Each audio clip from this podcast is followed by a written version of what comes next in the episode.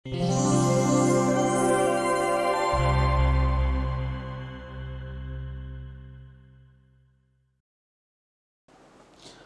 عليكم ورحمة الله وبركاته.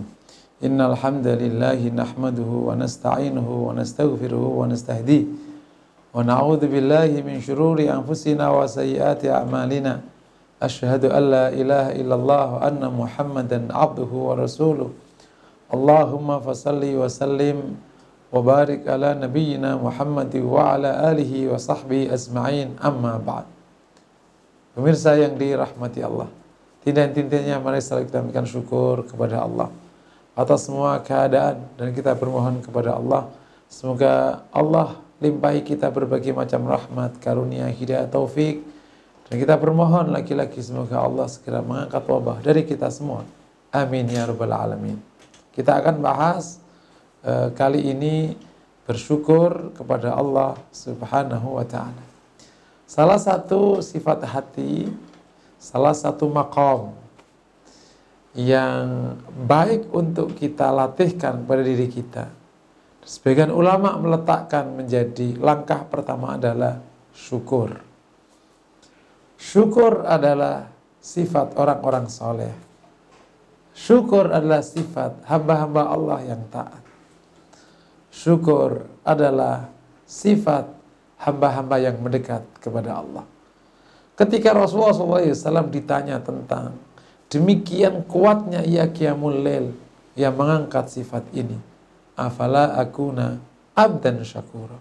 Bukankah aku hendak jadi hamba yang pandai bersyukur kepadanya? Syukur implementasinya luas sekali. Oleh karena itu Al-Quran banyak sekali mengelaborasi sifat syukur dari berbagai macam bentuknya. Dengan syukur insya Allah engkau akan bertambah karunia. La ing syakartum la azidannakum. Sungguh jika engkau bersyukur, maka sungguh kata Allah, saya akan tambahi karunia. Maka Ibn Qayyim mengatakan, hidup mukmin itu selalu bertambah dan meningkat. Kenapa bertambah? Karena ia bersyukur kepada Allah. Dan kalau bersyukur maknanya karunianya bertambah. Maka kalau karunia kita tambah hari kok tidak tambah bertambah, bisa jadi ada yang salah dalam diri kita. Salah satunya bisa jadi syukur kita kurang baik, kurang banyak, kurang sempurna sehingga Allah belum memberikan tambahan karunia kepada kita. Urgensi yang pertama syukur tampak bahwa syukur akan mendatangkan tambahan karunia. Jadi kalau kita ingin bertambah karunia kita, syukurlah. Dan ini persis sebagaimana pandangan para ahli motivasi. Yang disebut dengan menikmati kemenangan-kemenangan kecil untuk mencapai kemenangan-kemenangan besar. Hari ini target marketmu tercapai 20%. Nikmati, syukuri agar engkau nanti bisa mencapai 50%, 70%, 100%. Hari ini nilaimu baru tujuh, teman-teman yang sekolah masih. Nikmati, syukuri, agar engkau nanti bisa mendapatkan 100%. Orang bertanya, Loh bukankah kalau saya menikmati, mensyukuri, akhirnya saya puas dan saya berhenti? Jawabannya, siapa yang bilang bersyukur itu puas? Puas itu ada di sana, syukur itu ada di sini. Nanti tampak dalam penjelasan definisi tentang syukur. Mirip tapi tidak sama. Dengan bersyukur, insya Allah akan bertambah karunia. Yang kedua, dengan bersyukur, insya Allah orang akan bahagia. Sebagaimana yang Rasul sebutkan, ajaban di amril mu'min, inna amrahu kullahu khair, walaysa dhalika illa lil mu'min mengagumkan hidupnya urusan orang mukmin. Dan itu tidak terjadi kecuali bagi orang mukmin karena semuanya baik. In asabahu sarra'u syakar fakana khairallah. Kalau ia tertimpa kebaikan, kenikmatan, ia bersyukur, baik baginya. Wa in asabahu dharra'u sabar fakana khairallah. Kalau ia tertimpa musibah maka sabar baik baginya. Jadi Syukur itu yang membuat karunia menjadi bahagia. Karena kalau tidak disyukuri, karunia sebesar apa pun tidak membuat bahagia. Ilustrasi kecil. Sore hari Bapak datang dari kantor karena tadi kerjaan sudah selesai. Eh Alhamdulillah jam 5 sudah sampai di rumah. Jarang sekali ya sampai di rumah jam 5. Biasanya jam 6. Karena mendapati anaknya pada di depan rumah dan jam masih 5, jam masih menunjukkan pukul 5, ayahnya mengajak anak-anaknya. Dek, yuk kita makan di luar yuk. Makan bakso sama mie. Weh, asik kata anak-anaknya. Sampailah bertiga ini ke tempat makan. Ibunya sedang menyiapkan uh, hidangan sore karena nanti mau menyantap uh, makan malam Ba'da Isya. Papanya berkata kepada kakak, kakak mau apa? Aku mau mie. Adik mau apa? Aku mau bakso. Maka dua hidangan datang. Begitu datang, adiknya bilang, ya kakak kok minyak mahal 21 ribu? bakso kan 15 kata papanya ya udah adik nambah aja supaya sama. Akhirnya adiknya nambah nambah makanan yang lain. Begitu nyampe makanan pesanan adik yang kedua kakaknya bilang lah kok adik dua? Aku kan satu. Kata papanya ya sudah kakak nambah aja. Akhirnya nambah. Begitu nambah adiknya bilang lah kakak kan dua kakak kan udah mahal. Maka sore hari itu adik kakak bukan bahagia malah bertengkar.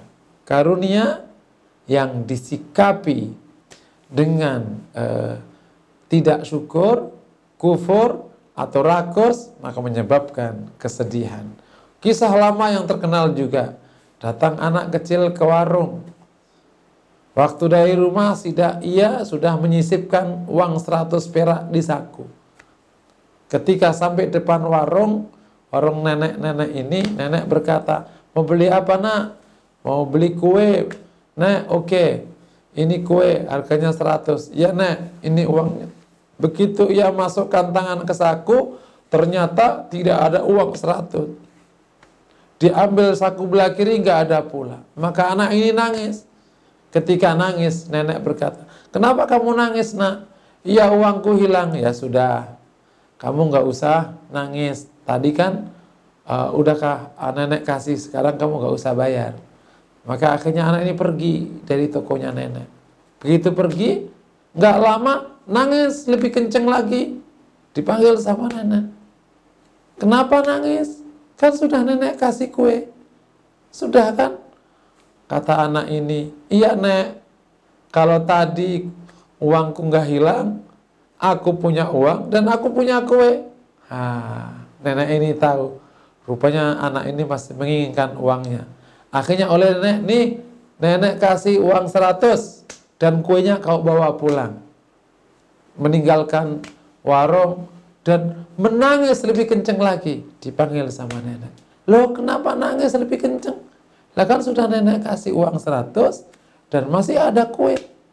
Kata anak ini iya nek kalau tadi nggak hilang aku punya uang 200 dan aku punya kue.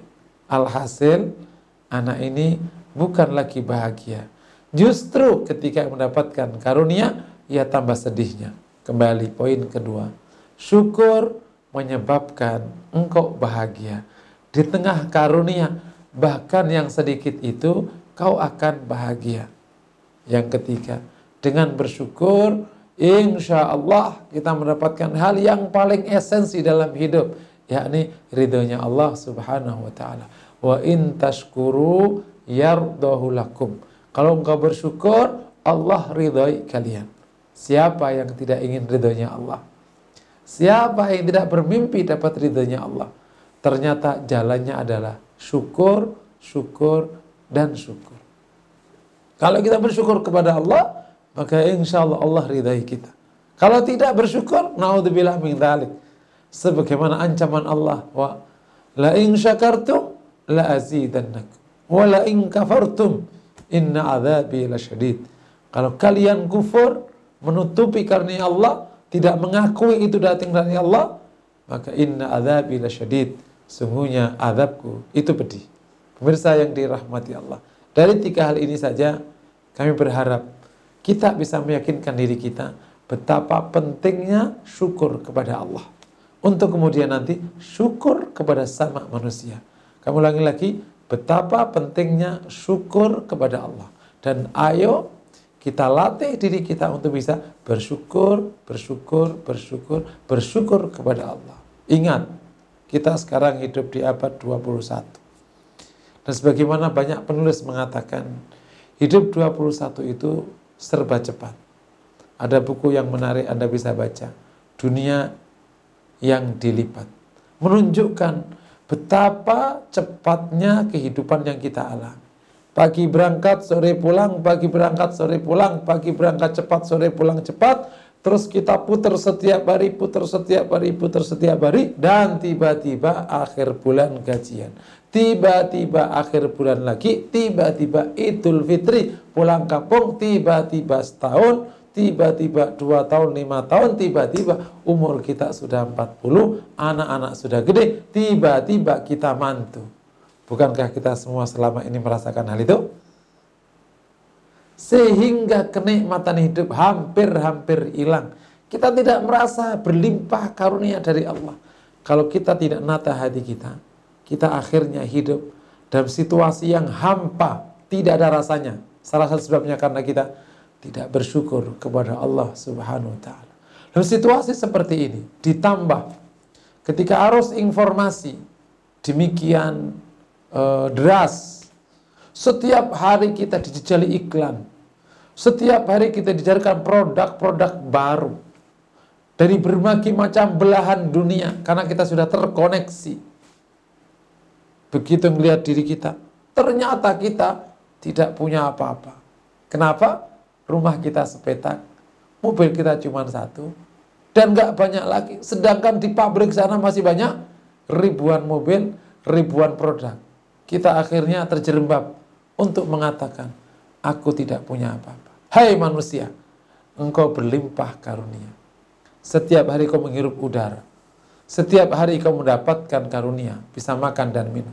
Setiap hari kau dapatkan matahari. Setiap hari, setiap hari, jutaan, jutaan sel dalam dirimu bergerak setiap hari, setiap anggota badanmu berjalan tanpa kau suruh. Bukankah itu karunia? Kau pilih mana? Harta berlimpah atau kesehatan? Kau pilih mana? Kemuliaan atau yang kau impikan? Semuanya kita butuhkan, tapi kau sudah mendapatkan banyak. Dalam situasi seperti ini, di mana hidup serba cepat, hidup berlimpah informasi yang berdampak kepada akhirnya mata kita terus melihat kanan kiri setiap hari. Seakan-akan tidak ada puas-puasnya. Kalau kita tidak berlatih syukur kepada Allah lenyap diri kita. Lenyap. Seakan-akan kita tidak akan pernah berhenti mengejar apa yang kita inginkan. Kata target kejarlah daku kau kan kutinggalkan benar Sebelum kita kuliah, kita kejar target. Akhirnya kita ketemu target. Kita bikin target baru, kita kejar lagi. Dan target tidak pernah berhenti. Karena target punya rumus. Kejarlah daku, kan kutinggalkan. Tar semakin kita kejar target, semakin kita ditinggalkan target. Apakah berarti kita harus duduk, jumut? Tidak. Kita harus menjadi manusia yang maju. Tapi bersyukur kepada Allah Subhanahu wa taala. Ini akhirnya maju dalam kedamaian dan damai dalam kemajuan. Jangan sampai maju, tapi engkau terbakar oleh nafsu. Dan jangan pula atas nama syukur, engkau akhirnya berhenti bagi orang tak berguna. Karena syukur tidak sama dengan berhenti. Pemirsa yang dirahmati Allah subhanahu wa ta'ala. Secara bahasa, syukur itu maknanya menampakkan. Makanya di Jawa itu ada istilah ngetokno kalau ada tetangga dikasih makanan dan tidak tampak bersyukur disebut ora ngetokno. Terjemahannya tidak menampakkan. Sebaliknya kalau ada tetangga dikasih kok bersyukur namanya ngetokno. Eh Mbak, ini kue dari mana? Oh ya itu, dari Pak Haji yang baru pulang umroh. Masya Allah, itu kuenya enak sekali. Namanya ngetokno, menampakkan. Makanya syukur itu kayak balon yang taruh di air, dia tampak. Tampak diberikan oleh Allah. Makanya ada sebuah riwayat Allah suka pada hamba ketika diberikan untuk ditampakkan, dikenakan. Kalau kau kau mendapatkan karunia makanan enak, dimakan. Karena Islam tidak mengharamkan makan enak, tapi mengharamkan makan haram. Kalau kau dapat karunia apa? Ditampakkan. Jangan pura-pura tampak miskin. Sederhana wajib, tampak miskin tidak boleh. Gitu. Sederhana wajib. Itu utama. Rasul memberikan contoh. Ya. Mendapatkan karunia ditampakkan. Alhamdulillah Allah kasih ini dan itu. Ya. Itu uh, secara bahasa. Secara istilah banyak sekali, tapi uh, ungkapan yang mungkin bisa mengcover banyak definisi adalah menampakkan karunia Allah sebagaimana sebagai pemberian dari Allah baik dalam lisannya atau di hatinya atau dalam perbuatannya. Kamu ulangi lagi. Syukur adalah menampakkan pemberian itu, karunia itu sebagai pemberian Allah, baik dalam lisannya atau dalam hatinya atau dalam perbuatannya. Makanya disebut dengan syukur bil lisan, syukur bil qalb, syukur bil jawarih. Syukur dengan lisan dalam bentuk pernyataan. Alhamdulillah. Ini dari Allah. Jadi ditampakkan itu datang dari Allah. Sedangkan orang kufur atau orang yang tidak bersyukur kepada Allah menganggap menyebut pemberian itu sebagai datang darinya. Bu, itu anaknya kok cantik. Lah iyalah, siapa dulu ibunya? Nah, itu namanya menampakkan karunianya datang dari dirinya. Itu kufur. Bu, itu anaknya pinter. Ya Alhamdulillah, Masya Allah, itu mah sudah karunia Allah. Maka sama cuma dampingi aja. Berarti yang tampak namanya Allah. Kalau yang tadi namanya, itu kok ganteng sekali anaknya. Ya dulu siapa dulu Bapak E. Nah itu namanya yang tampak kita. Kalau yang tampak kita namanya kufur. Karena menutupi pemberian itu sebagai pemberian dari Allah. Nah kalau kita buat uh, konteks syukur kepada manusia, ada mertua memberikan ke mantunya baju waktu mertua ini pulang dari umrah. Nah, ini ada baju dari Mekah bagus banget kau pakai. Eh, dipakai ke masjid bagus. Temennya bilang, bro, bagus banget tuh si bajunya gitu. Iya, yeah, datang dari mana? Dari mana tuh? Ah, beli noh di bagus lah pokoknya kulon. Pemberian Babelo ya? Apa? Lima pelit Babinya dengar, apa? Nah, itu namanya tidak menampakkan pemberian sebagai pemberian dari mertuanya. Nah Allah kasih kepada kita, kita harus tampakkan dalam bentuk pernyataan. Alhamdulillah. Gitu. Habis makan, Alhamdulillah ini pemberian dari Allah. Gitu. Apa saja Alhamdulillah. Kedua, Bersyukur dalam lisan dalam bentuk pengakuan. Di hatinya ini memang mengakui itu pemberian Allah. Itu karunia dari Allah, bukan dariku. Makanya bedanya tahadus bin ni'mah dengan syukur itu di hati. Sama-sama menyebutkan, Alhamdulillah anakku lulus. Itu bisa menjadi tahadus bin ni'mah wa syukur ilallah dan bisa menjadi riak. Kalau di hatinya ini mengakui itu datang dari Allah, bahwa anaknya lulus dengan nilai bagus, diterima di perguruan tinggi bagus, itu datang dari Allah, itu namanya syukur dan pernyataannya namanya tahadus bin ni'mah. Tapi kalau di hatinya itu bentuknya adalah ini adalah dariku, maka disebut dengan kufur, bahkan bisa jadi masuk kategori ria dan sombong. Naudzubillah. Nah, jadi syukur dengan hati adalah pengakuan. Jadi al-i'tiraf bi ni'am minallahi subhanahu wa ta'ala. Mengakui kenikmatan itu datang dari Allah subhanahu wa ta'ala. Yang ketiga, membuktikan bahwa karunia itu digunakan untuk yang Allah kehendaki, bukan untuk menentang Allah subhanahu wa ta'ala. Ilustrasi di konteks manusia, karena ada syukur kepada manusia ya, di samping ada syukur kepada Allah, ada seorang bos mendapati anak muda datang dari kampung, kemudian karena kondisi langsa ditolong ini orang. Karena sudah bola balik depan rumahnya ditanya, kamu ngapain? Di pekerjaan pak, kamu datang dari mana? Oh dari situ. Oh iya iya, itu deket dari asal kampungku deh. Udah kamu kerja di tempat aku aja. Oke ya. Sekarang kamu mandi di situ, ikut bapak. Sampailah ke kantornya bapak, dikenalkan sama Arang. Ini Arang kerja sudah dikerjakan bagian ini aja dulu deh. Uh, kamu punya ijazah apa deh? SMP. Kamu mau nganter-nganter minuman, terus nganter-nganter surat mau? Mau pak? Nah, nah dia kerjanya nganter minuman dan nganter-nganter surat. Oke. Kemudian bapak ini memberikan handphone supaya kalau ada apa-apa bisa di bisa telepon aku nih tak kasih handphone. Nanti udah apa-apa telepon bapak. Ya kan kamu anak baru di sini. Nanti udah apa-apa kamu bisa kontak bapak. Nggak apa-apa. Iya pak. Nggak apa-apa. Ya. Sehari dipakai untuk urusan kantor. Hari kedua malah anak ini nelponin istrinya. Gitu. godain istri bos. Sampailah ketahuan. Kira-kira diapain nih bocah? Ini namanya menggunakan karunianya bos untuk hal yang menentang bos. Allah tidak sama dengan hambanya. Kalau ada orang menggunakan karunia yang Allah berikan kepadanya untuk menentang Allah, yang namanya kufur. Ya udah sikat aja. La in kafartum inna adzabi lasyadid. Nah, ini otak Allah yang kasih. Ini sehat Allah yang kasih. Kok dipakai nentang Allah? Lenyap. Nah, syukur dengan karunia maknanya adalah menggunakan karunia Allah untuk yang Allah ridhai.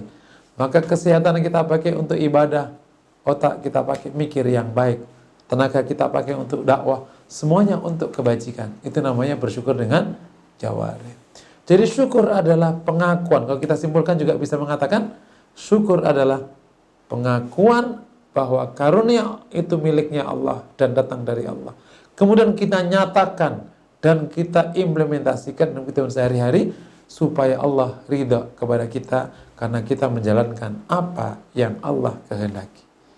Ini definisi syukur secara bahasa dan secara istilah. Maka ada beberapa istilah lain syukur itu adalah menempatkan karunia sebagaimana orang yang sedang membutuhkan karunia Allah jadi sangat senang dikasih oleh Allah. Gitu. Bahkan ada yang mengatakan ka'atufaili litta'am. Orang bersyukur itu kondisinya kayak orang yang suka makan dapat makanan. Alhamdulillah ya Allah saya kok bisa lulus S1. Nah, itu namanya orang bersyukur. Alhamdulillah saya bisa buang air.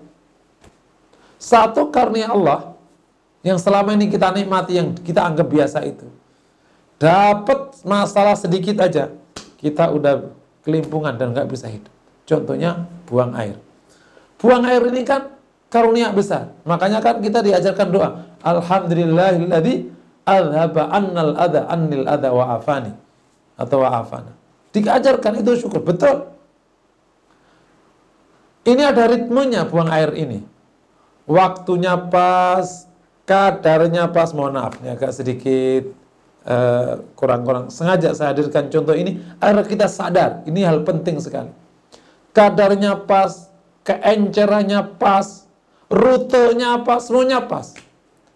Kalau itu bergeser sedikit saja, kita sudah tidak bisa hidup dengan baik. Seandainya pagi hari itu, Allah tidak izinkan kotoran itu keluar. Allah izinkannya jam 9 pagi. Pas kita di tengah tol. Depan mobil, belakang mobil, kanan mobil, kiri mobil, Allah suruh tuh perkara mau keluar. Ke mana kita keluar? Kalang kabut kita. Nah, masalah waktu saja, kalau Allah tidak tepatkan waktu, jadi perkara. Kadar kekentalan, keenceran, namanya mencret. Nah, kekentalan, nggak bisa keluar, bahkan sampai keluar darah. Allah izinkan itu terjadi pas Rutenya harus ke bawah. Coba kalau ke atas. Naudzubillah min Ke bawah nggak bisa, naik ke atas. Naudzubillah min itu baru sisi. Ada ribuan sisi di konteks orang buang air. Sendi yang terkait ini harus kompatibel, harus akur. Sendi yang terkait dengan pengeluaran kotoran ini harus akur. Satu sendi nggak akur, jadi perkara. Buang air sebelah kanannya nggak bisa ditekuk, jadi perkara. Kanan kiri nggak bisa ditekuk, jadi perkara. Jadi seperti yang Allah firmankan. Wa in ta'uddu ni'matallahi la tuhsuha. Jika engkau hitung kenikmatan Allah, niscaya engkau tidak akan pernah bisa menghitung. Oh, oleh karena itu tidak ada jalan bagi manusia kecuali bersyukur, bersyukur, dan bersyukur kepada Allah. Ya, kita udah bahas urgensi syukur, kita udah bahas definisi syukur. Sekarang kita bahas yang ketiga, ada tiga tingkatan syukur.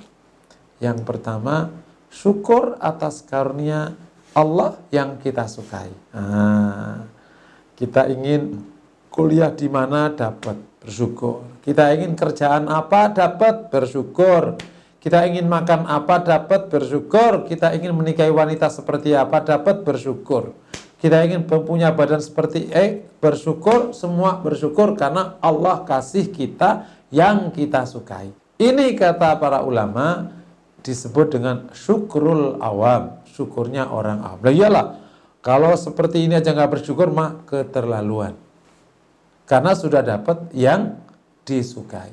Sekarang naik kelas, syukur terhadap karunia yang tidak kita sukai. Kategorinya masih karunia, bukan ujian. Contoh, kita dapat fakultas tapi tidak seperti diinginkan. Tapi kan masih dapat fakultas XYZ. Kita ingin kuliah di universitas tertentu, dapatnya universitas lain. Tapi kan masih dapat, bukan nggak dapat. Nah, namanya karunia yang tidak kita sukai. Kita ingin makan X, dapatnya makan Y. Kita ingin pas pulang ya Allah semoga nanti istriku bisa bikin ayam bakar itu enak banget. Eh sampai rumah poro-poro ayam bakar. Nasinya nasi tadi malam, lauknya tadi malam karena istrimu sedang ketiduran. Tapi ada nggak makanan? Ada, itu karunia. Tapi tidak kau sukai. Hah, di sini kalau kita bersyukur luar biasa. Kita akan bahagia dalam setiap keadaan. Apa? bersyukur atas karunia yang tidak kita sukai. Pertama, syukur atas karunia yang kita sukai. Kedua, syukur atas karunia yang tidak kita sukai. Tapi apakah karunia yang tidak kita sukai itu buruk? Tidak. Karena Allah lebih tahu tentang kita daripada kita pemberian Allah selalu yang terbaik untuk kita. Karena Allah yang menciptakan kita, Allah tahu yang terbaik untuk kita, Allah yang menciptakan masa depan, Allah tahu tentang kondisi masa depan, dan kita itu baiknya seperti apa di masa depan. Allah tahu semuanya. Jadi serahkan saja pada Allah, bersyukur saja pada Allah, tugasmu berusaha pada ruang usaha yang Allah sediakan untukmu.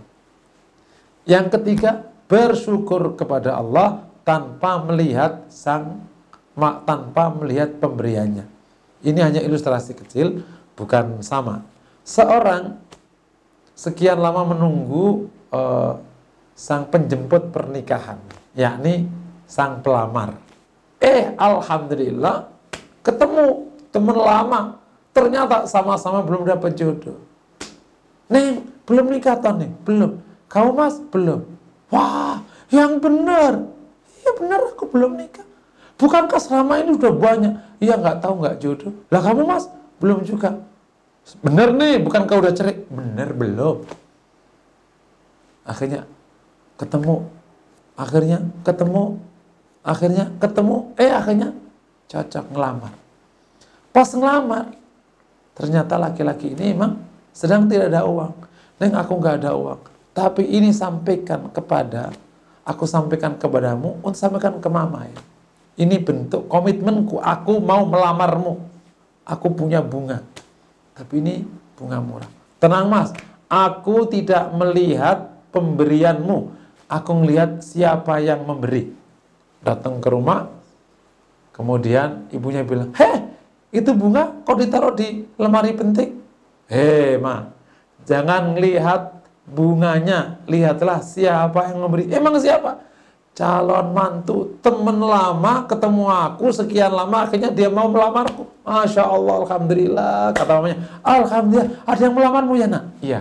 Nah, namanya bersyukur kepada Allah tanpa melihat pemberiannya.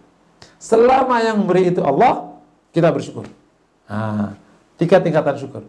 Syukur kepada Allah atas pemberian yang kita sukai, syukur kepada Allah atas pemberiannya yang yang tidak kita sukai, yang pertama yang kita sukai, yang ketiga syukur kepada Allah tanpa melihat pemberiannya. Jika kita sampai pada level kepak syukur kepada Allah tanpa melihat pemberiannya, kita menjadi orang yang super super bahagia. Karena pemberian apa pun dari Allah kita syukuri, termasuk jika diuji oleh Allah. Makanya puncak tertinggi syukur namanya sabar. Puncak tertinggi sabar namanya syukur. Kalau dua-duanya kita miliki, kita bahagia sepanjang hayat. Pemirsa yang dirahmati Allah. Sekian yang dapat saya sampaikan. Semoga menjadi jalan kebaikan untuk kita semua, menginspirasi kita semua. Aku qouli hada warahmatullahi wabarakatuh.